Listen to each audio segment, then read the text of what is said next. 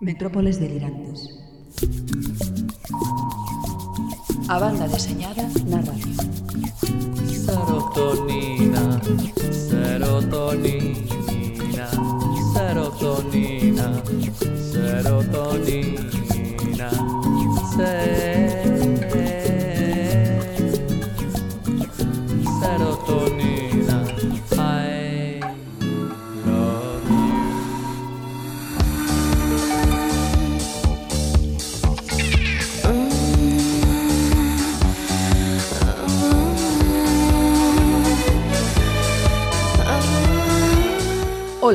Son Nieve Rodríguez. Aquí comeza a 25ª emisión das Metrópoles Delirantes. Mister, your eyes are full of hesitation.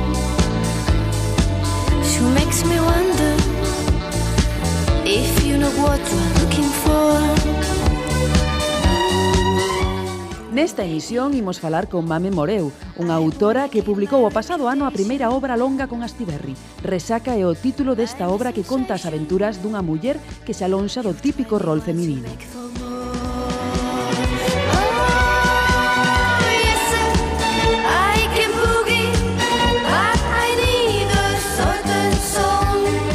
Agora que o inverno parece que quere bater máis forte, o señor B trae o recuncho dos imprescindibles, unha obra preciosa na que Paco Roca fai unha homenaxe aos autores de cómic da editorial Bruguera.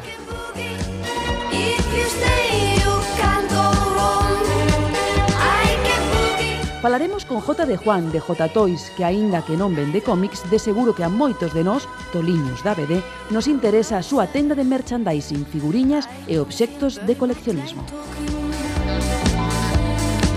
no neither walking. You wanna know if I can dance. E no final do programa teremos as novidades editoriais que recomenda Xaime Lís, que fai o camiño de volta ata as metrópoles, que xa o botábamos de menos. And in the course, but I will give you one more chance. A nosa técnico Reyes Abad xa largou a vela. Partimos xa.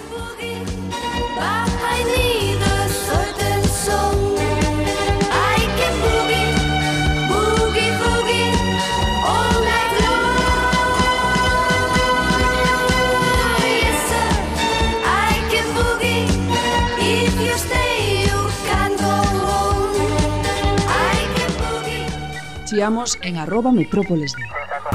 Radio Campus Culturae. Como en cada emisión temos na mesa o señor B. Benvido, señor B. Hola. Hola. Bueno, Esta é unha misión especial para o equipo das Metrópoles porque cumprimos, ni máis ni menos, cun ano de vida. Un aniño de vida, sí, señor. sí, xa no? pasaron moitas cousas, xa pasaron moitos libros, moitos libreiros, moitos autores, xente que veu e que foi e, e que está aí. E bueno, que... e pasámolo de medo, eh? E pasámolo de medo, sobre todo pasámolo moi ben. Uh -huh. Rimos moito e... Eh, E bueno, estamos moi agradecidos de que a xente nos escoite. Pois sí, pois sí, polo menos ese, ese traballo para falar de BD, para achegar o mundo da BD a todos os rincóns de Galiza, de fora de Galiza, pois está sendo compensado polas escoitas que temos. Sí, señor, espallar a verba da BD. Efectivamente, porque bueno, se houvese algo que nos gustase máis que, que, que a BD, que sería? Falar de BD. Falar de BD. Bueno, para celebrar este ano temos un sorteo moi especial. Pois sí, temos un amigo que... Que, que fiel o programa. Que fiel o programa, José Angelares, que nos cedeu un original dunha obra súa para que regalemos algún ointe E entonces, bueno, vamos a celebrar o noso ano de vida pois sorteando ese original. Entón, os nosos ointes pois que estén atentos ás redes sociais, o Twitter, e eh, ali diremos que cales son os mecanismos para facerse con ese con ese original. Con ese original. José Ángel Ares, autor de Rosa y Javier, de Independencia, de Bitcoin, eh, un autor que está subindo como a espuma e que ademais é un bo amigo do programa. Pois, como dicía o señor B, estade atento ás redes sociais, o Twitter, porque aí poremos en marcha o mecanismo para que vos fagades con ese original, que paga a pena. E como sempre, comenzamos coas novas a todo Filispín, señor B. Comenzamos cunha nova desas que, bueno, poden alterar un poquiño os puristas do Sanedrín da Bede, non? Das que fan dubidar se poñer a verba galega no titular, non? Sí, porque hai aí unha certa Aí hai unha certa polémica sobre si as obras feitas para un mercado que non sea o galego... Inda son, que se fagan en Galicia. Inda que se faga en Galicia por galegos, pois son ou non son galegas. Bueno, eu penso que calquer cousa feita por un galego é galega, inda que a fagas en alemán. Pero bueno, nada, o que imos? Que no vindeiro Salón do Cómic de Barcelona imos ter un representante galego, de Lalín concretamente, que é José Luis García López, autor de BD, que leva traballando para DC unha morea de anos. Un home que naceu en, na, na parroquia de Pareizo, en Lalín, no ano 48, e que como moitos como moitos paisanos nosos desa época pois tiveron que emigrar a Argentina sendo neno, con 4 ou 5 anos emigrou a Argentina coa familia e despois cando cando xa foi cumplindo a niños os 17 ou 18 anos eh, marchou para Estados Unidos eh, empezou a traballar en DC e é un home importante na historia de DC porque porque ademais de ser un moi bo dibuixante é o home o que DC lle encargou facer o seu libro de estilo, uh -huh. que é o libro que seguían o resto dos debuxantes para saber como eran os personaxes de DC. E é un home que aínda está en activo, ademais. E nada, vai estar en Barcelona. A bueno, ver si... pois Que boa oportunidade que para boa coñecer oportunidade, máis sí. polo miúdo o traballo deste home nado en Pareizo, en Lalín, que emigrou no seu día e que agora segue vivindo en Estados Unidos. E a ver se somos quen de facer unha entrevistinha, oh, que nos oh, faría sería maravilloso. Ilusión. Sí, sí, hai que poñerse en contacto con el cando se pase pola terra para facerlle unha entrevista e convidalo a que se chegue ata as metrópoles. Bueno, despois eh, seguimos falando de Tintín, porque Tintín segre con cifras de récord. Pois sí, Tintín é un, é un valor seguro, na BD e agora que está de moda isto de facer subastas de orixinais, de, de planchas orixinais dos, dos traballos de Tintín, e, bueno, de moitos outros, pero, bueno, Tintín non sei que ten, eu habría, habría que preguntarle a Pedro Rey que ten Tintín, que daría para moitos programas, seguramente.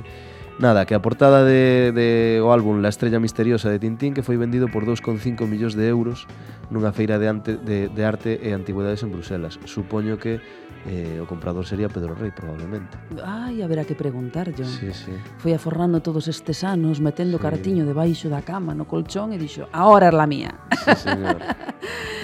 Bueno, imos agora co Festival de Angulem, inda que xa pasou, eh, nós eh, temos que facernos eco dos premios, non? Sí, eh, bueno, vamos a falar solo do, de, dos dous máis importantes, sí. probablemente, o resto dos premios podedelos eh, ver na, na nosa página web que están todos. O mellor álbum, o premio mellor álbum foi para un sirio que se chama Riyad Satuf e a obra coa que gañou eh, titulase O árabe do futuro, unha obra autobiográfica Eh, por certo, que Satuf traballou durante uns anos na Charlie Hebdo.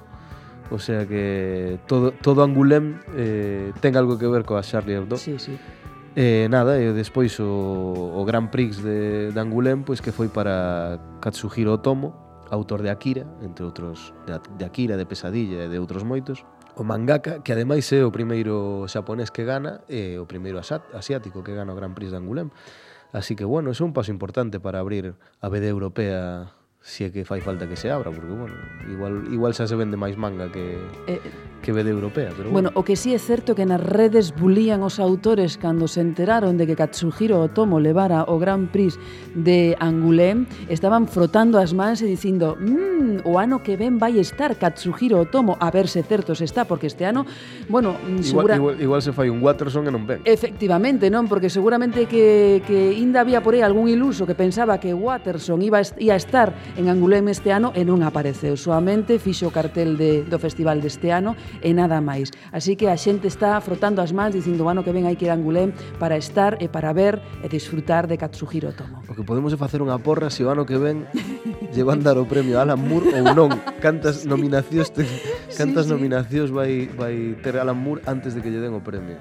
Bueno, Porque, pode bueno, ser que o ano que ven. Eu creo que vanllo acabar dando, pero sí, sí, sí, a ver sí, que ano, sí, claro. Sí, sí. E tamén seguiremos frotando as mans a verse Finalmente, Alan Moore sae do seu retiro para achegarse a Tangulem, non? Para presidir ese xurado e para estar eso podría, eh, eso nese, ser moi grande. nese evento. Sí, sí, sí.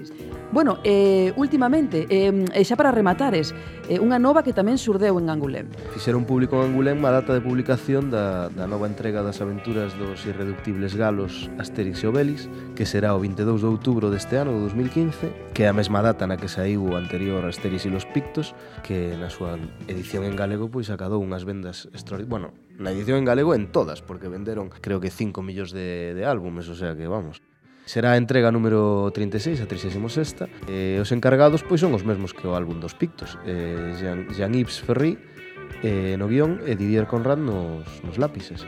Eh, bueno, non hai título aínda para este libro e agardamos con expectación a ver que fan porque se ven o debuxo non fixo botar de menos a Uderzo, os guións sí que fixeron botar moito de menos a Gosini. Non deberían xogar con esas cousas, non? Igual a que señor Ferri igual hai que traballar un pouco máis. Si, sí, tomalo máis en serio, non? Sí. E non decepcionar os no milleiros. Non vale fusilar un papá, non vale. Si, sí, si, sí, si. Os millóns de lectores que ten Asterios e Obelis bueno, supoño, despois. Supoño que a moita xente nos decepcionaría. A min, que son asterófilo, non? Como, non sei como, como sería bueno, eso. Asterófilo, asterófilo, sí. sí. Bueno, A mí sí que me decepcionou un pouco a historia dese, dese Non estaba currada, é certo. Álbum. Sí, a mí tamén me deu esa sensación. Era un pouco, bueno, lugares, Vamos, lugares facelo. comunes, non? Vamos sí. a facer aquí unha especie de mestura con todos os álbumes e algo salirá.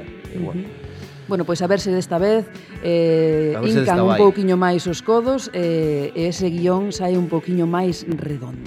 Queremos un apocalipsis de amor.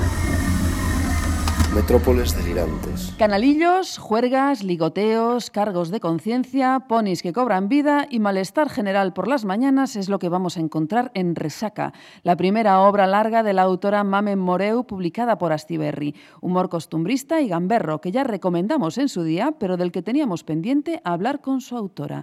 Mamen Moreu, bienvenida a las Metrópoles. Hola, buenas, ¿qué tal? Un placer charlar contigo. Hoy encantada, yo también estoy muy contenta aquí desde Aragón, conexión con Aragón y Galicia. Efectivamente, Aragón, Galicia, además muy buenos autores, tanto en una tierra como en la otra, ¿eh? Sí, sí, además nos parecemos mucho, me parece a mí, los Sí, ¿no? gallegos, sí. Ay, pues bendita conexión, sí señor, y que siga dando frutos durante muchos años. Pues sí. Bueno, vamos a hablar de, de la obra, de Resaca, que a mí me ha molado mogollón, de verdad que sí. ¿eh?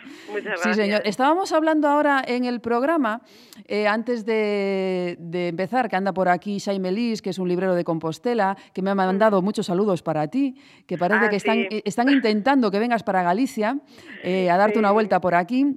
Y me decía, no sé si es para bien o para mal, pero es una obra con la que me he identificado mogollón, la de Resaca. Y digo yo, hombre, siempre para bien, ¿no? Así que... Sí, bueno, a mí, a mí lo que a mí me hace mucha ilusión que tanto chicos como chicas se sientan identificados con, con Marcela. Claro que Y sí. y sí, sí, estamos aquí hablando a ver si puedo ir, a ver cuándo puedo coger vacaciones, Ujú. porque yo aparte pues trabajo en una librería aquí Sí. en Huesca, y entonces a ver cuándo puedo ir hasta Galicia, porque la verdad Hombre. es que me apetece muchísimo, hace mucho tiempo ya, pero bueno, se me va echando el tiempo encima, ya casi ha pasado un año de la publicación del cómic y estoy allí como, "Uf, quiero ir ya. Mira, yo, yo creo que aquí estamos todos esperándote con los brazos abiertos, aunque pasen tres años, ¿eh? Así que no tienes ningún problema.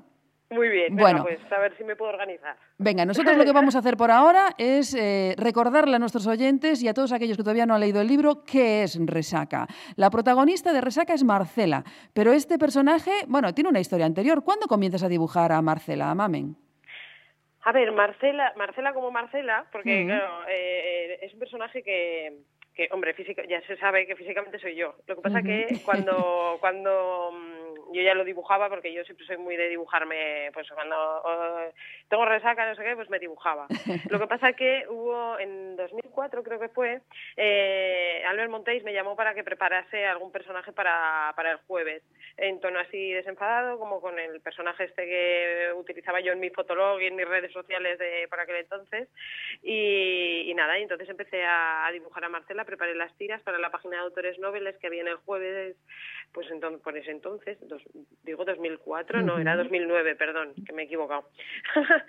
sí, entonces pues salió una página de autores noveles entre las que estaba pues Jano Corporesano de Bernal y, y algunos el personaje de Edgar y tal, y entonces yo para esa página preparé a, a Marcela que entonces tenía codos. ahora ya no los tiene, ahora ya tiene unos No, brazos no. que luego ya hablaremos de eso, de esa característica tuya de los dibujos. Sí, de aquella Sí. tenía codos. sí, ella tenía codos, luego los perdió. Pero Como muchas cosas, ¿no? Por el camino. como otras tantas cosas en, en las juergas locas nocturnas que ya se sabe. Que se pierden muchas cosas. Se pierden hasta los codos. eso. Bueno, pues hablamos un poquito de Marcela. Marcela está a punto de entrar en la treintena y se revela contra toda norma establecida. ¿Podemos decir que es una revolucionaria que va contra el mundo, contra todo lo que se puede esperar de una chica de su edad, o es que simplemente tiene poca cabeza? Pues la verdad es que quedaría muy guay que te dijese que, que sí, que empecé a dibujarla aquí intentando revolucion- revolucionarme contra el mundo y todo esto, pero, pero bueno, la, la verdad es que eh, mi, mi ilusión era crear un personaje femenino descerebrado totalmente. Entonces yo sí que llevo dentro un poco eh, lo que es ir contra, contra las normas establecidas y tal, así que supongo que al fin y al cabo lo acabas sacando, pero, pero sí, o sea, mi primer, mi, mi intención no era que Marcela, Marcela es una, es un poco palurda y ya está, o sea, es así. Ay. Sinceramente. Sí. Bueno, y entre tanto chiste y cosa loca, se destila, bueno, yo eh, es la impresión que me ha dado al leer el, el Resaca, se destila una afilada crítica social. Somos una generación con un futuro muy incierto y eso del carpe diem es una buena forma de aceptar lo que nos toca, ¿no, mamen? Sí, sí, yo, bueno, yo estoy muy a favor de vivir la vida como si estuvieses una constante despedida, así de, de todo, ¿no? Pues como me voy a beber una cerveza, pero no me bebo una cerveza pensando que me voy a beber otra después. Me bebo la cerveza, la gozo y luego ya me bebo otra, pero claro, no estás pensando ya en lo siguiente, ¿no? Porque si no, es que... Sí, es- sí. O sea, yo ahora mismo eh, pensar en el, en el futuro, en la sociedad en la que estamos y tal y como están las cosas, es, es un coñazo, te amargarías. Entonces, Sí, lo mejor es vivir la vida, pegarse la fiesta y, y ya está. Y luego ya veremos lo que pasa. Claro, claro. Porque si, salimos, si saliésemos de fiesta pensando en la resaca del día siguiente, pues sería un... Oh, un qué horror. coñazo, ¿no? Sí, ya llorarías directamente. Te Es ya te, te meterías en casa, en cama y dices, tú ya no salgo, ¿para qué? Sí, ¿No? y más conforme se acercan los 30, que cada vez es más duro, pero bueno, da igual. Bueno, y no te digo nada cuando pasas de los 30, entonces ya, ¡buh! De momento no lo sé, pero espero... Queda muy poquito. Bueno, bueno, pero es una buena etapa también, ¿eh? te lo digo Claro, yo. claro. Sí, seguro que sí, claro. Bueno, Marcela tampoco está de acuerdo con los típicos roles femeninos establecidos. Y aquí también se entrevé una crítica a conceptos como el matrimonio, la maternidad, que parece que nos cuesta sacudirnos esos roles decimonónicos, ¿no? Sí, la verdad es que, a, a ver, yo estoy, a mí, bueno, los roles establecidos me dan, me dan mucho por saco, hablando mal. Entonces... Puedes hablar como no. te dé la gana, ¿eh, mamen? Aquí, aquí hay libertad absoluta. Sí, es que claro, como estoy aquí todavía con el... Como he estado de dependiente esta mañana, tengo que, que controlarme un poco. Eh, bueno, eh, yo sobre todo lo que quería hacer con mi personaje, porque eh, los personajes femeninos que yo conocía, que estaba acostumbrada a ver en los cómics, eran así como chicas demasiado perfectas, responsables, centradas, tal. Mientras que los tíos siempre son los que se llevan los papeles de caraduras, descerebrados, Sí. y los crápulas, pajilleros, juerguistas, tal. Entonces, eh, yo pensaba, ni- a ver, ni todas las tías son tan buenas, ni todos ellos tan capullos, en realidad. Entonces, eh, siempre desde chavala he echado en falta eh, pues chicas así más gamberras y descerebradas. Especialmente en los tebeos patrios, porque yo que sé, Sí. siempre, pues en la mayoría pues solían ser eh, eso, pues personajes masculinos y así descerebrados y tal. Y, y eso, pues yo echaba de menos una, por ejemplo, a mí me encantaba Lisa de, de Odio de Peter Bach. Mm. Me encanta que, que está tarada perdida. Es de mis personajes femeninos favoritos. A mí las chicas que están locas siempre me han, me han gustado. Sí, ¿no? Entonces eso, yo, claro, yo, yo quería hacer algo que fuera, pues como por ejemplo Tato el de Montéis, de, que publicaban el jueves, Sí. yo siempre le he dicho que sin Tato no existiría Marcela. Y, y entonces por eso yo empecé a hacer mi propio personaje femenino de cerebrado, pues como Tato el de, el de Montéis. Pues eh, eh, lo has conseguido perfectamente. Bueno, al, al final, es decir, mm, todo es demasiado importante para tomárselo en serio, ¿no? Y yo creo que eso también lo adapta Mar- Marcela, ¿no? Como, como algo propio, ¿no? Y dice, bueno, ¿qué Sí. coño? Vamos a tomarlos un poquito a risa porque todo es tan serio, tan serio que si no nos agobiamos, ¿no? Claro, claro, o sea, además es que en las historias así de, de las chicas y los chicos en los cómics, siempre sale la- un poco como la chica llorando porque el tío se ha portado mal con ella, pasa de ella, y, y entonces yo decía, a ver, pero yo, a ver, siempre hay veces que lloras y hay veces pues que te na- eh, que yo qué sé, pues el tío que te hace caso, tú dices, hostia, qué, qué horror, porque me hace caso este tío, entonces a veces las tías también somos desagradables con los que nos vienen detrás, o yo qué sé, ¿sabes? O no sé, en el cómic, por ejemplo, no, no, no creo que esto sea ningún spoiler, el, el jefe de Barcelona está enamorado y ella pues dice, pues si, si no me haces caso, entonces la- ella ya le hace caso y Sí, si, sí. y si no, pues al revés y así. O sea, que también pues que, hay de todo. Sí, sí, sí. Bueno, Marcela es una mujer de armas tomar, ¿eh? tengo, que, tengo que decirlo, porque eh, le gustan los chistes escatológicos. ¿eh? Y aparte de lo que acabas de decir tú, ¿no? Es decir, eh, no se deja embaucar por los hombres, les da mucha caña. Es decir, eh, lo que acabamos de, de comentar es algo que no es muy habitual en los personajes femeninos a los que estamos acostumbrados. ¿Será porque los dibujan los hombres? Es decir, a mí lo de los chistes escatológicos es que me ha ganado ella. Dice que una tía eh, sea así, y dice, bueno, esto ya Marcela para mí para siempre. Sí, sí, a ver, yo, a ver, es que yo, claro, yo soy muy así. Eso a veces aquí en el, en el trabajo tengo un compañero y eh, cuando le digo, oye, que mira, que me voy a cagar, un momento, tal, y me dice, y me dice, me dice, a ver, me dice, no queda bien que las chicas habléis así. Es, es un compañero más, más mayor. Y le digo, a ver, pero si me estoy cagando, ¿qué te voy a decir? Me estoy, o sea, Claro, entonces yo, yo es lo que intentaba también representar un poco en, en Marcela, porque, eh, pues eso, no sé si pues cada uno, eh, los, los chicos, pues igual porque es, es que esto de que lo dibujen, eh, estoy intentando explicarme, pero me estoy haciendo una bola en la cabeza ahora mismo. Espera, eh, eso, que, que no sé si es que sea habitual que, que las chicas fueran más finas porque las dibujaban los chicos, o que, o que ahora ya las chicas ya somos, quiero decir, que, que, como lo dibujamos nosotras y, y al fin y al cabo pues es un poco tu propia experiencia y, y entonces ya pues se deja ver eh, la sociedad pues va cambiando ya Hombre. no tenemos por qué aguantarnos eh, decir oye mira pues me tiré un pedo o lo que sea Efectivamente. Es decir, no, antes se pensaba que era, ay, qué, qué incorrección, ¿no? Que una mujer, que Claro, una por chica eso. diga esas cosas. No, hombre, no, ya vamos a tener que empezar ya a romper esos tabúes y decir, bueno, pues Sí. nosotros también cagamos, como dices tú, ¿no? Claro, y, claro, y- por y- eso. y por qué no vamos a decirlo?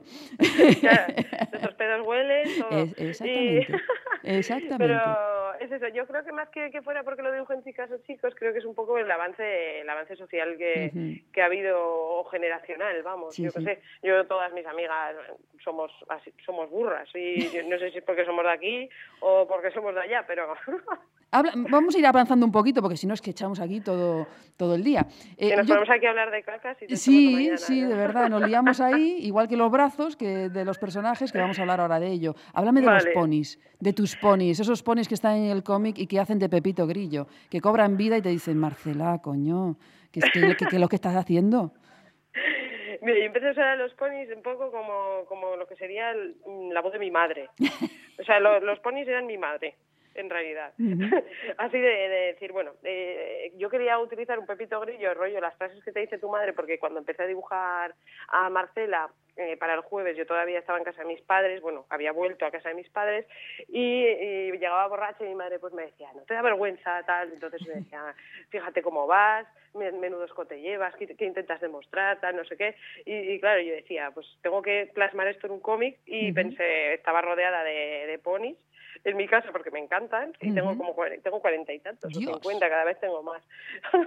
Porque además luego la gente me va regalando ponis Claro. y tal por- sí está muy guay. Y entonces eso eh, dije pues que mejor que un pony. Si un pony que es que es muy absurdo porque un pony parece como algo muy moñas pero en realidad mis ponis son muy cafres o sea, te dicen las cosas, pero además te insultan, o no porque mi madre me insultase, me lo decía muy educadamente. ¿eh? Pero yo ya, yo ya le di mi toque, mi toque cafre, aquí de, de, de, das asco, no sé qué, no te das cuenta y se te sale una teta y cosas así. Por eso. Bueno, háblanos un poco de, tu de tus personajes, esas- esa característica que tienen lo de los brazos, que son interminables, flexibles, desarticulados. ¿A qué se debe? Pues eh, al principio empecé dibujando dibujando codos, pero luego como mm, eh, las borracheras son así, que para mí las borracheras, siempre lo digo, para mí una borrachera es un poco como un sueño, ¿no? Eh, como carta carta blanca. Yo tengo vía libre, hago lo que me da la gana, es como, como en los sueños, ¿no? Pues pierdes un poco el sentido de, de todo, te, te mueves así pues yo que sé, pierdes el sentido hasta de las articulaciones, lo que decíamos antes, ¿no? Sí, ¿no? Entonces para mí las borracheras como son rollo onírico, cada vez creo más lo de los lo de los codos, pues cada vez lo exageré más. Y luego cuando están ahí también pues en- cuando están follando y tal, pues también se hacen un nudo entre ellos y Sí. las piernas y los brazos. Da mucho juego en esas escenas de sexo que tienes ahí en Resaca, Sí, esos brazos ahí que se enredan. A mí es me encanta, la verdad es que me he pasado muy bien dibujando esas esas escenas de sexo, son fueron muy divertidas, la verdad. Sí, sí, sí, sí, sí. Pero vamos a hablar de, de, de Astiberri. Es tu primera obra, la publicas con una gran editorial. Supongo que habrá sido de mucha ayuda a la hora de, de hacer las cosas de otra manera, ¿no? De que te aconsejen y de guiarte y decir, bueno, vamos a hacerlo así.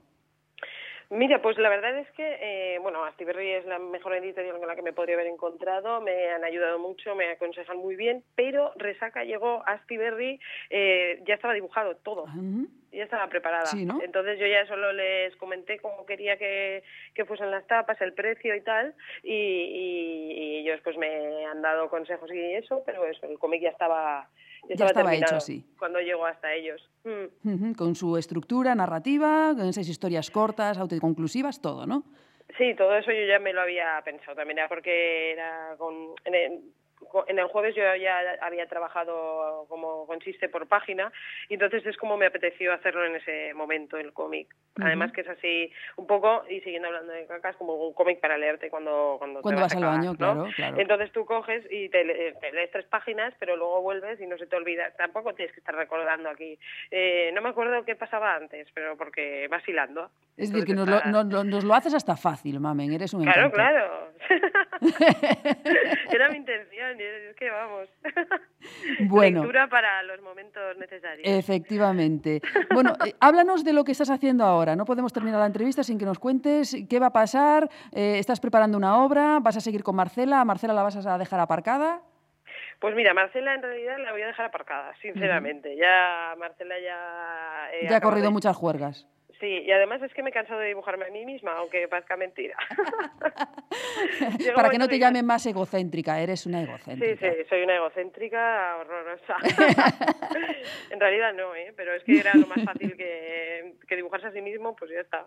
Para los gestos y todo, me miro al espejo y ya está. Efectivamente. No, pero eso, ya me apetece ya cambiar, madurar. eh, a ver, esto de madurar un poco queda muy mal que lo diga yo, además. No, pero tampoco eh, tampoco os penséis que voy a hacer algo serio, ¿eh? no, simplemente simplemente quiero pues eh, madurar lo que sería un poco lo- la forma narrativa, igual hacer pues estoy como bueno, estoy preparando una una un cómic nuevo, tengo que presentárselo a Stiberry dentro de poco, cuanto antes mejor. Andas con los plazos entonces. Sí, bueno, no, no son plazos, es la historia que tengo, mi historia nueva Ajá. que quiero, que, bueno, una historia nueva. Bueno, bueno, Que de la que no puedo hablar todavía mucho, Vale, vale. pero también va a ser, yo no voy a salir del humor, o sea, para mí el humor es fundamental, o sea, yo siempre voy a hacer cómic de humor. De Goza de buena salud el cómic de humor entonces ahora. Sí, sí, sí, yo creo que sí, estamos en buen momento. Vale, vale, vale, vale. Bueno, pues, pues mamen, hacemos una cosa. Como tengo muchas cosas pendientes para hablar contigo de cara al verano, ¿eh? Eh, que supongo que, que volveréis con caniculadas. Sí, yo creo que sí, a ver si nos organizamos, porque el año pasado me organicé fatal y actualicé dos veces, y al final pues dices, hombre, hay que centrarse, porque estábamos preparando el cómic de, de institutos, Sí. que también hemos sacado con Astiberri, Sí. y entonces bueno, fui, por lo menos yo hablo por mí, yo fui un poco de culo, pero bueno, eh, siempre hace ilusión retomarlo y además la gente lo espera y, y está guay. Bueno, pues entonces, ¿qué te parece que si de cara al verano volvemos a hablar otra vez? ¿eh? Y Pues ponemos, en- ponemos encima de la mesa un la- el montón de cosas que nos han, nos han quedado atrás, ¿vale? Vale, muy bien. Bueno, y- y- y- hacer el programa allí en directo. contigo? Efectivamente, es lo que te iba a decir ahora. Te estamos esperando con los brazos abiertos para hacerte la entrevista aquí en directo y para irnos de fiesta. Sí, sí, vamos. Yo Que aquí en Galicia, aquí en Galicia hay muy buena marcha y en Santiago de Compostela no te digo nada. No lo dudo. lo estoy deseando. Bueno, invitarme. bueno, pues mamen, un placer, de verdad, ¿eh? Igualmente. Muchísimas gracias. Venga, Un gracias beso. a ti. Chao. Un abrazo. Chao. Well, she's all you'd ever want. She's the kind I'd like to flaunt and take to dinner. But she always knows her place. She's got style, she's got grace. She's a winner. She's a lady. Oh, oh, oh, she's a lady. Talking about that little lady.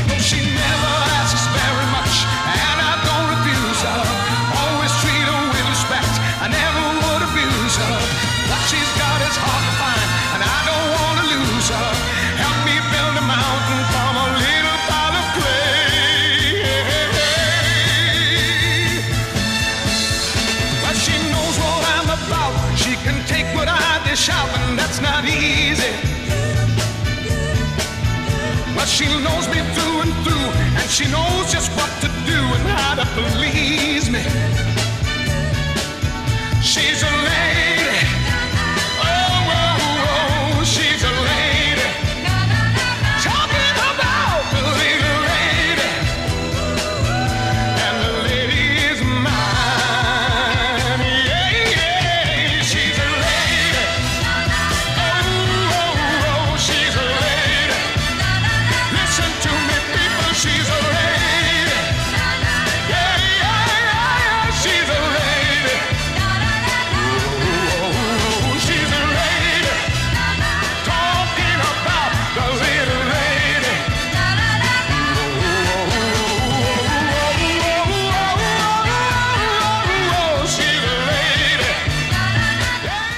Na España da posguerra, ademais de falta de liberdade e da fame, era unha quimera ter aspiracións. O mercado editorial da BD estaba casi monopolizado pola editorial Bruguera, que impoñía condicións leoninas aos seus debuxantes. Disposto a facernos pasar frío, o señor B recoméndanos desta volta viaxar ata Barcelona dos anos 50 e no seu imprescindible de hoxe amosarnos un anaco da historia do cómic, unha historia escrita e debuxada por Paco Roca, unha historia que comeza no inverno, en pleno período franquista e con dúas editoriais e cinco debuxantes como protagonistas.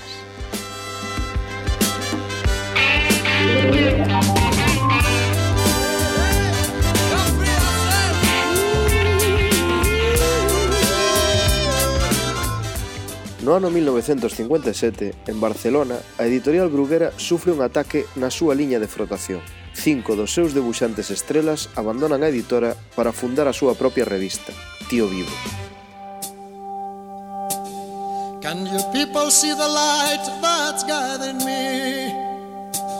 Can you feel the strength Esta decisión foi provocada polas condicións baixas que traballaban os debuxantes. Facción a destaxo, cobraban por páxina ou viñeta e tiñan que renunciar aos orixinais e os dereitos de autor a cambio dunha paga.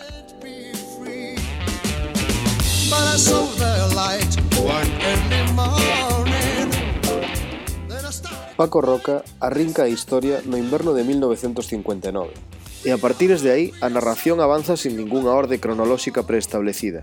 Esta irregularidade na narración é un recurso buscado polo autor coa fin de transmitirlle ao lector o xeito no que lle chegou a ela a historia, a retais e sen orde.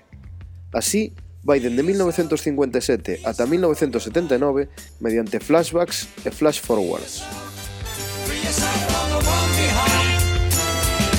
free yourself, free yourself Outro recurso magníficamente usado por Roca para resaltar a estructura temporal é a cor. Utiliza unha gama que vai dende os azuis ata os ocres para diferenciar as catro franxas temporais nas que divide a narración e que nos permite saber en que momento da historia se sitúan as viñetas que estamos a ler.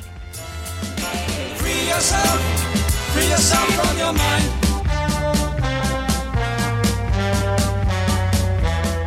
Ademais do mundo da historieta, tamén é protagonista a propia cidade, a Barcelona dos anos 50.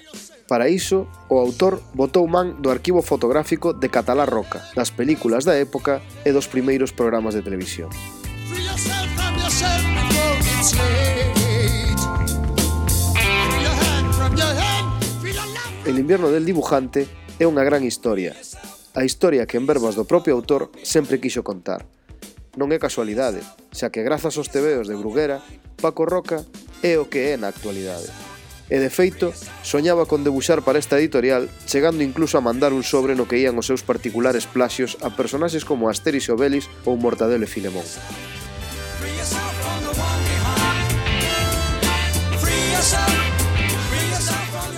Unha gran lectura, un homenaxe a cinco historietistas que tentaron cambiar o xeito de gañar a vida co seu traballo, pensando que se Bruguera se facía rica, eles tamén querían ser ricos. Escobar, Conti, Cifré, Peñarroya e Giner, os aínda lembrados como os cinco grandes de Bruguera.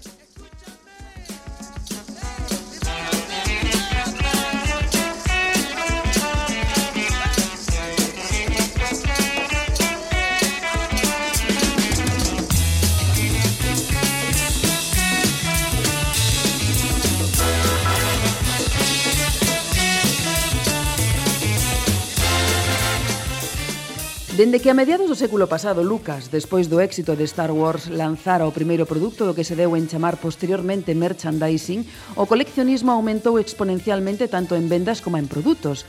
Hainos para todos os gustos, figuriñas, cuncas, toallas, chapas, roupa, todo o que sae das cabeciñas dos responsables de marketing dunha película ou cómic pode ser transformado en produtos de merchandising.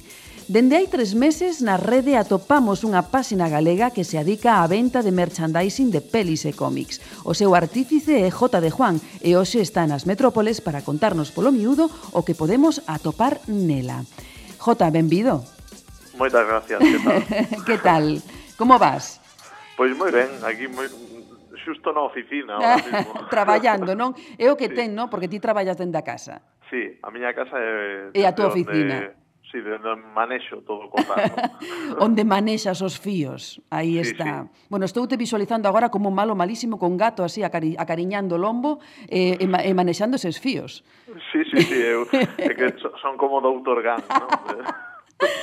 bueno, bueno, pois Jota, a, a primeira pregunta, como é, como e por que xorde a idea de poñer en marcha Jota Toys? Pois é bastante curioso porque foi porque vendín o coche, Anda. basicamente. eu, eu vivía en Santiago e, e eu son de Sanxenxo e tiña o coche en Sanxenxo parado porque non sí. usaba para nada. E entón vendín o coche e decidín facer algo, eh, que quería facer algo. Inver eh, investir eh, eses cartos, non? Sí, facer algo con eses cartos. Quería montar algo porque eu xa estaba parado, non tiña nada que facer. E dixen, mira, pois estes cartos vou nos invertir en algo. E un día falando con uns amigos e tal, dixeronme, joder, a ti gustanche moito eh, as figuras de colección, gustanche os, as figuras articuladas, porque me gustan de toda a vida. Uh -huh. Por que non te, si sabes deso, por que non te adicas un pouco a, a vender ese tipo de produto? E dixen, pois mira, voume informar un pouco, eh, e así comenzou un pouco a, a investigar e tal, e ao final, pois mira, teño a miña propia páxina de venta de, destes de produtos. Bueno, e que tal vai? Porque non só so de, bueno, non só so de cómic viven os lectores, senón que o coleccionismo forma parte tamén dese xeito de vivir a banda deseñada. Goza de boa saúde este sector? Era o que te iba a preguntar. Afectou a crise de igual xeito que nos libros? Pois mira, sí, sí que afectou. Sí que uh -huh. é verdad que a, a venda é un pouco... Eh, a, a contagotas, non? O sea, a venda non é non, fluida. non é continua, si, uh -huh. non é fluida. Pero bueno, eh, sempre hai eh, dous, tres, catro clientes fixos uh -huh. que, que por exemplo, por, con Star Wars, por exemplo, é un como unha fiebre tremenda, sí. entonces se, sale algunha cousa nova e xa están pendientes de comprarcho. Entón, como que máis ou menos podeste manter, pero non é ahora mesmo coa crise non eu non penso que sexa rentable a, a a longo plazo. Uh -huh. É dicir, que rico non te faz, así a corto plazo. Como, como, perdón. Que digo eu que rico non te vas facer a corto plazo. No, no, no, no pero é que tampouco tiña esa intención. Eu xa. facía un pouco por, por sacar un cartiño e por comprar as figuras máis baratas tamén o teño que dicir. está ben eso, está ben eso, sí, sempre sí. pensando no, no propio interese de cada un, eso está ben. Mm. Bueno, e que tipo de produto oferta a páxina J Toys? Pois mira, sobre todo eh, figuras articuladas, porque mm, eh, nun principio, como a inversión que quería facer non era moi grande, non tiña tanto carto, o coche non me deu pa tanto, pois eh, deuseme polas figuras articuladas e algo de merchandising. Uh -huh. Pero mm, non sei, o sea, como que se me queda curto, pero uh -huh. sobre todo teño figuras de Star Wars, uh -huh. que de, de feito a imaxe de, da páxina ten moito que ver con Star Wars. Eh, despois teño de cómics, de, de Marvel, de DC, teño cousas de, de diferentes marcas, ¿no? de, de Hasbro sobre todo, porque a distribuidora coa, coa que traballo eh, ten un contrato con Hasbro moi importante, eh, do, da, da marca que máis vendo, eh, e eh, eh, así, eh, merchandising teño algunha cousiña, pois algún peluche, algunha camiseta e pouca cousa máis así. Teño, a, a verdade é que teño actualmente un catálogo un pouco reducido, pero bueno, como estamos aí mirando de, de, de renovalo, uh -huh. esta cousa esta cousa interesante. Bueno, é o que che iba a preguntar, non? Se tiña despensado abrir o abanico de produto. Como, como, de que xeito queredes medrar? Pois mira, a verdade é que o que che dicía, que antes, como non tiña moito carto, eh, non me atrevía a invertir en cousas máis caras. Eh, as estatuas, por exemplo, sí. as estatuas e os, os bustos, é unha cousa que a min gustame moito, pero eu vía que era moito, eran moi caros, salíanse do presuposto moitísimo. Pero agora sí que estou pensando en invertir, porque aparte son realmente os produtos os que lle sacas beneficio, porque as, as eh, os muñecos articulados son máis pequenos, eh, son máis barateiros, eh, o rango que lle sacas é, é escaso. Pero bueno, que o que te dicía, que como tampouco pensaba facerme rico, non me preocupa, mm. pero pero sí que o que queremos facer a partir de agora é meter tamén estatuas e, e a, os bustos. E despois tamén teño inter, in, eh, a intención de meter eh, eu fíxenme cunha impresora 3D uh -huh. eh, tiña a intención teño a intención de empezar a vender impresións en 3D uh -huh. pero de cousas eh, claro, non podo vender o que me dé a gana, teño claro. que vender cousas eh, que non teñan licencia, eh, Creative Commons e tal. Sí. Entonces vou, eh, hai un, un catálogo eh, online moi importante de, deste de tipo de, de impresións que chamase Thingiverse, que é unha páxina web. Entonces, eh, en base a esa páxina, eu vou ofertar eh, os produtos que se ofertan nesa páxina, pois eu eh, imprimir e eh, vendelos. Uh -huh. Bueno, eh, pues... eh, Sí. Eso é o, o, o, que, o, o principal que teño agora en mente para, para ampliar o negocio. Bueno, pois son dúas vertientes que, que bueno, que son, son verdadeiramente interesantes. Bueno, tedes pensado ou gustaría vos nun futuro abrir unha tenda física ou definitivamente apostades todo á tenda web? Pois mira, eh, hai un, a mí gustaría, porque unha tenda física é algo moi chulo de ter. Eh, claro. Eh, dame máis tra máis traballo e eh, a min gustame estar máis entretido do que estou na, na casa. Na casa. Pero, por un lado, ten unhas uh, desvantaxes que sería o, o custe que me que ten alquilar un, un baixo sí. que sexa nun sitio bo, pero por outro lado é genial porque desfaste moi ben do, do stock. O stock que, que che queda nunha tenda online para desfacerte del é moito máis complicado que nunha tenda na que entra alguén e di, uh -huh. mira, isto está de saldo, isto sí. levo moxa. Que ten máis no, visibilidade, non? Nunha tenda claro, física. Nunha páxina web ti xa solo polo gasto de, do envío, uh -huh. o mellor dis, é que teño que, mira, vou mercar este muñeco de Boba Fett que custa 7 euros, vale, pero o envío custa outros 7 euros. entonces como que te tira para atrás. Claro. Nunha tenda máis inmediato. Así que, bueno, non descartas o millor. No, nun futuro gustaríame. A verdade é que sempre que vou pola calle, porque eu vivo en Vigo, e sempre que vexo algún baixo eh, Valeiro e tal, sempre penso, oye, pois aquí podía montar algo. Pero nunca Pero, entras a preguntar o aluguer, non? No, no, no, porque tampouco teño tantos posibles. te tería que vender outro coche. Outro coche, e non tes, non? no, no, no. Ahora mismo vou de, en tren e en bus, non me queda outra.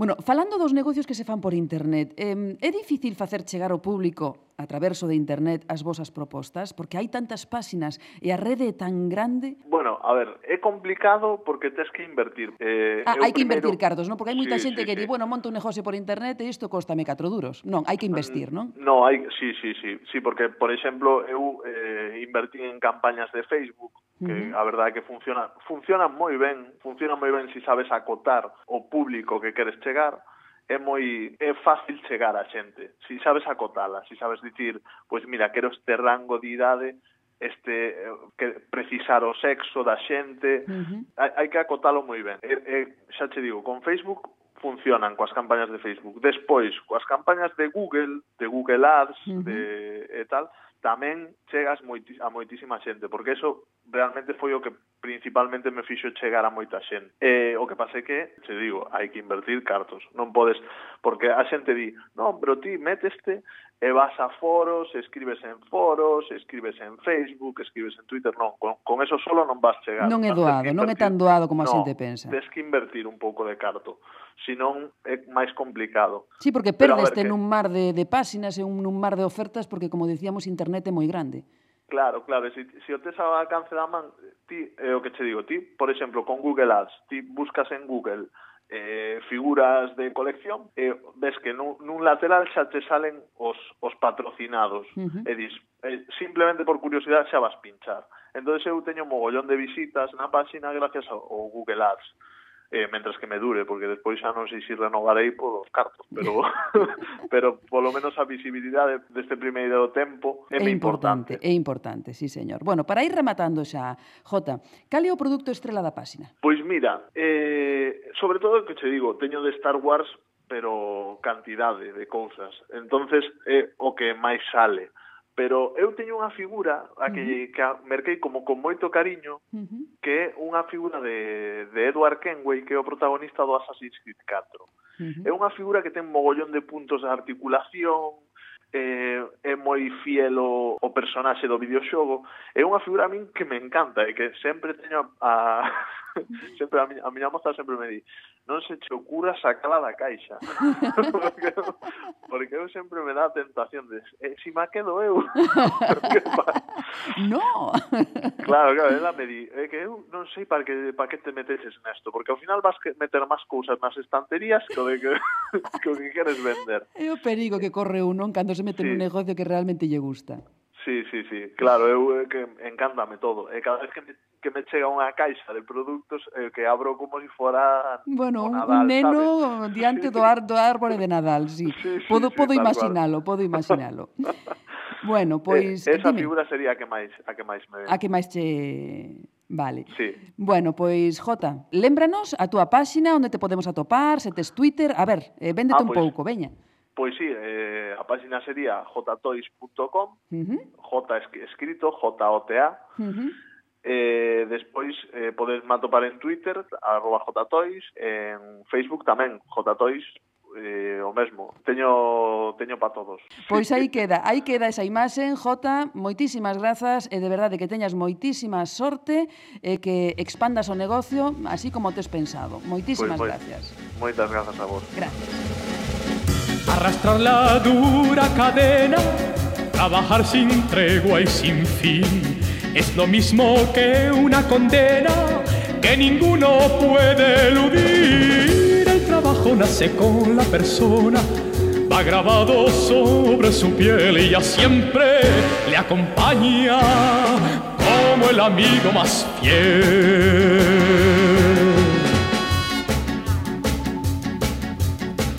Trabajar con nieve y con frío, con la fe del que ha de triunfar, porque el agua que lleva el río no regresa nunca del mar. El trabajo nace con la persona, va grabado sobre su piel y ya siempre le acompaña como el amigo más fiel.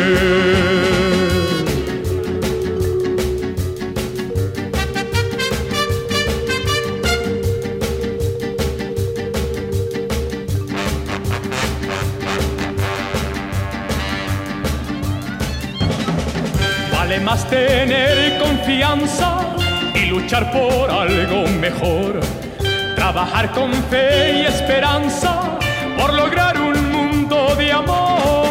El trabajo nace con la persona, va grabado sobre su piel y ya siempre le acompaña como el amigo más fiel.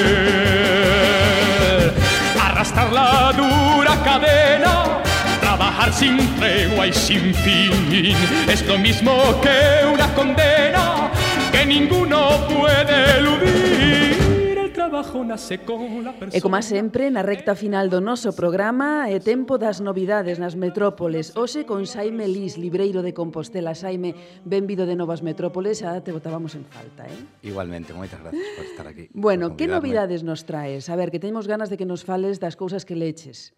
Pois a verdade é que despois de, de todas as novidades que houve no mes de novembro, de decembro, pois xaneiro foi un mes un poquinho máis máis tranquiliño. En todo caso, hai, hai cousas moi interesantes. Eh, eu se trouxen pois, unha das miñas pequenas debilidades, que é o equipo creativo formado por Ed Brubaker e Son Phillips, que pois, é unha parella que eu creo que, que están facendo auténticas maravillas co xénero negro. En concreto, se traemos o, o cuarto e penúltimo tomo de Fatale, Fatal é unha, unha serie que está a editar Panini eh, e que mestura mm, depois de maneira sorprendentemente correcta o que é o xénero de terror co xénero policíaco. Entón, bueno, eu defino un pouco isto como se Roman Polanski dirixira na mesma película Chinatown e, e a semente do, do diaño. Caramba. Non? Eh, entón, bueno, eh, trata sobre o estereotipo da, da fan fatal, da, da muller fatal, eh, eh, cun mesmo personaxe imos percorrendo distintas épocas. E en concreto este cuarto tomo, que tamén, bueno, por, por gustos musicais tamén me toca bastante, eh, está situado en Seattle a mediados dos anos 90. Mm. Entón, bueno, temos aí xa un, un combo de cousas que a priori non parecen fáciles de casar, pero que, que bueno, estos autores que teñen unha, unha sobriedade tremenda, pois pues fan unha, unha auténtica, eu creo que un álbum moi moi bo. Eh, ademais de, desta de historia de xénero negro, traemos tamén un par de un par de pezas de do que se podería chamar cómic Underground. Un deles pois o segundo o segundo tomo editado por Fulgencio Pimentel de, de Simon Hanselman, que é un, é un tipo australiano de Tasmania, bastante bastante pe peculiar. Peculiar, un tipo peculiar sí. que está de xira por España. Está de xira, sí, por España, por Europa, eh, afeccionado a, a travestirse, un tipo Sí, sí, de feito, bueno, non é difícil atopar unha, unha correlación clara entre un dos seus personaxes, que é unha bruxa, pois con, con el mesmo. As súas historias son moi... Eh, te, son bastante... Teñen un certo aire marxinal, teñen tamén un, un aquel de, de valeiro existencial, de hastío existencial, están protagonizadas pois por un búho antropomórfico, unha brusa e eh, o gato que e un gato que é o mozo da, da brusa. Bueno, menudo combo tamén, eh? Sí, sí. Entón, bueno, son historias que nos que a moralidade eh, da maioría da poboación se verá totalmente asaltada. Eh, cuns alegatos importantes á politoxicomanía. Eh. en todo caso, resulta unha obra moi divertida, moi cun debuso moi coidado tamén. Eh, E, bueno, e a edición é unha, unha maravilla. Este é o segundo tomo, titúlase Bahía de Sambúo, o primeiro titulábase Hechizo Total, e a min este gustoume aínda máis que Hechizo ¿Sí? Total. Sí. Uh -huh. Eh, e non sei, resultoume moi divertido. Eh, logo temos tamén unha obra eh, editada por, por Outsider Comics, que é a primeira novela gráfica de, de Furilo. Furilo é un, por así dicilo, un histórico do, do cómic underground dos últimos 15, 20 anos, eh, que, bueno, o home este normalmente fai historias dunha páxina, dúas páxinas, eh, e lanzouse a facer a, a súa primeira novela gráfica longa eh, plantexando unha hipótese moi divertida. E todo comeza pois, eh, no, no Pardo, nos anos 60, e despois dunha opiparacea, o, o señor Franco Bamonde eh, ten un soño extrañísimo no que decide que hai que colocar a bandeira española pois na lúa. Entón, iníciase aí a, a carreira espacial española moi, eh, bueno, é un, un cómic moi delirante, pero moi divertido. É sorprendente tamén que alguén afeito a facer historias curtas pase a unha historia longa e, e resulte e resulte tamén.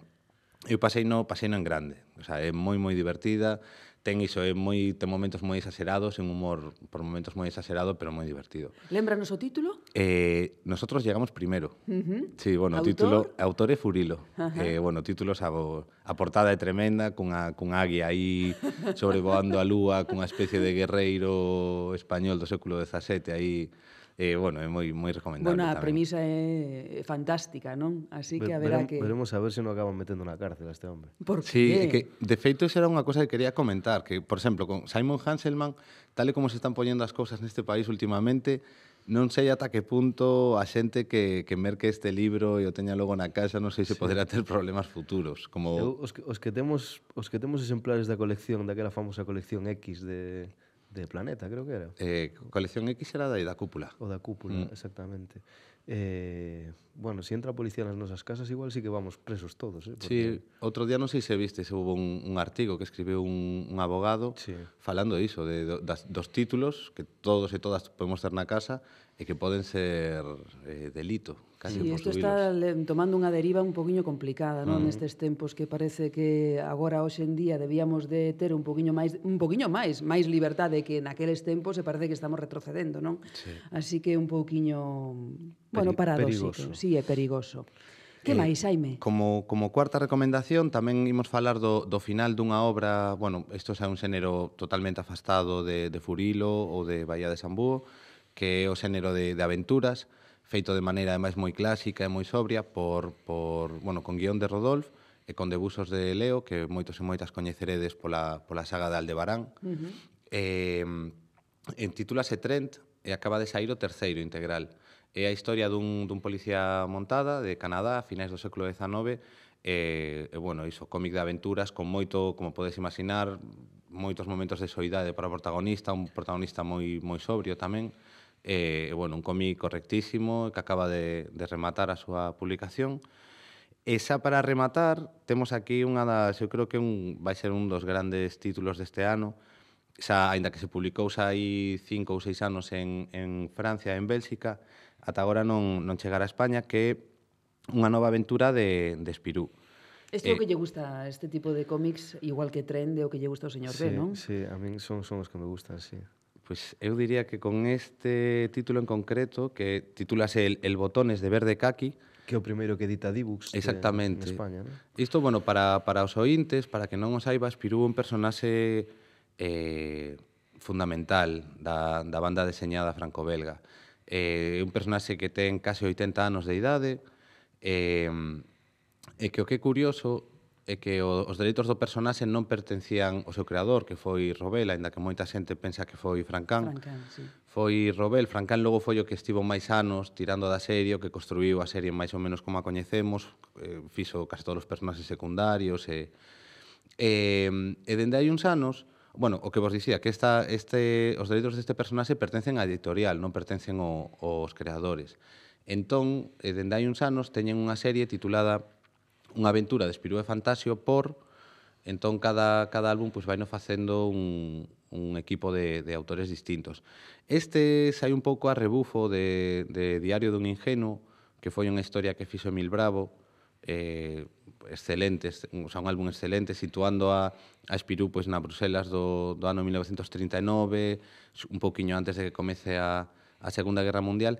Entón, neste novo álbum, que está feito por Olivier Svars eh, con guión de, de Jean, eh, xa estamos no medio da guerra, Bruselas ocupada no 1942, Entón, eh, o que é o álbum é un álbum de, de aventuras, eh, moi moi correcto tamén, con moito ritmo, moi dinámico, ten un debuxo, unha liña clara así parecida a Dave Chaland, máis que máis que a Dergué, eh, que, que o debuxo tamén creo que é fabuloso. E logo o guión fai Jan permítese un montón, pero moitísimas licencias e homenaxes. E prácticamente en cada páxina van a aparecer dous ou tres personaxes que o ben, o ben son personaxes de ficción do cómic franco-belga e das propias aventuras de Spirou recuperados, ou ben son personaxes reais que existiron de verdade, ou ben son personaxes ficticios con nomes de personaxes reais. Eh, pois bueno, hai, hai homenaxes a autores, eh, hai homenaxes a personaxes, Eh, entón, claro, resulta moi divertido o álbum para, para o lector eh, sagaz, por así dicilo, porque, porque tes aí para, para buscar referencias... Eh, bueno, así a máis curiosa, quizáis, eh, aparece unha, unha actriz moi moi coñecida, que a moita xente lle pode sorprender a súa aparición neste álbum, é unha actriz que coñecemos polo seu pseudónimo, fixo case toda a súa carreira en Estados Unidos, pero ela realmente naceu en Bélxica, que é Audrey Hepburn. Ah. Entón, bueno, permítese hai unha licencia porque máis ou menos na, na época na que transcurre a historia, Audrey Hepburn vivía en, en Holanda, non en Bélxica, pero nacer naceu, naceu moi preto de Bruselas. Entón, bueno, iso, hai homenaxes ao propio Francán, homenaxes a outros autores da serie de Spirou, aparecen personaxes de Tintín, de Blake Mortimer, eh, e bueno. bueno que, que, que oímos pasar moi ben, uh -huh. e o señor B tamén. Sí, ademais ten un dibuixo precioso e da, danlle unha volta o, o debuxo clásico de Spirou, non? Parece que como que modernizaron un pouco. E, bueno, eu teño unha teoría que pon un nazi na túa historia, todo sí. será máis divertido. Porque a portada, a verdade, que é espectacular. Sí, eh? a portada Aí é está, moi... Eh, eh, o botones, eh, o famoso botones pendurado dunha dunha bandeira nazi, non? Está, e, está e a edición de Dibux moi, Mola. moi, moi boa. Sí, sí, sí, sí. ademais, bueno, eh, como podedes ver no, no lombo do libro, que ten o número 5. Uh -huh. Este sería o, o quinto álbum da edición franco-belga de, deste tipo de aventuras e isto indica que D-Books vai editar o resto da, da serie incluso aqueles que xa editara Planeta, por exemplo, pero dunha maneira máis ordenada. Bueno, algo máis, Xaime? Nada máis que iso, moitas gracias por, por convidarme. eh, Grazas a ti Enhoraboa por polo, polo ano. Eh, aí, verdade que Parabéns. estamos, sí, sí, sí, xo dixemos ao principio do programa que estábamos de, de aniversario. Moitísimas gracias por vir, e acardamos acardamoste doutra volta. Vale, Xaime? Vale. Moitísimas gracias. Graciñas. Que che dixo máis? Canta claro, canta claro que che dixo. Dixo que me fendía la cona en cien mil pedazos. Delirante. metrópolesdelirantes.com As metrópoles delirantes cumpriron un ano e ata esta festa chegouse Mame Moreu para falarnos do seu Resaca, un cómic ben recomendable e sobre todo ben divertido. O señor B falou no imprescindible daqueles autores que en boa parte son responsables de que moitos de nós sexamos afeccionados a ler banda deseñada, unha xeración a que lle debemos moitos bons ratos de lectura e coa que posiblemente hai unha débeda moral. Pero non só de TV os vivimos as toliñas da BD. J. de Juan veu para falar das figuras, do merchandising e de como ese invento que que é Internet está a trocar os nosos xeitos de mercar. Despois dun tempo, xa tiñamos ganas de escoitar a Xaime Lís, un libreiro de vasto coñecemento e voz melodiosa, e o que sempre é un placer escoitar falar de BD. Estamos en metrópolesdelirantes.com ou no Twitter, en arrobo metrópolesd. Alí seguimos falando de BD. E lembrade, le de banda deseñada que hai aldeas que resisten a invasores porque a dignidade comeza negándose a sumisión. Metrópoles Delirantes. A banda deseñada na radio. Ever since I was a young boy, I played the silver ball. From Soho down to Brighton, I must have played them all. But I ain't seen nothing like him in any amusement hall. That deaf, dumb, and blind kid sure plays a mean pinball.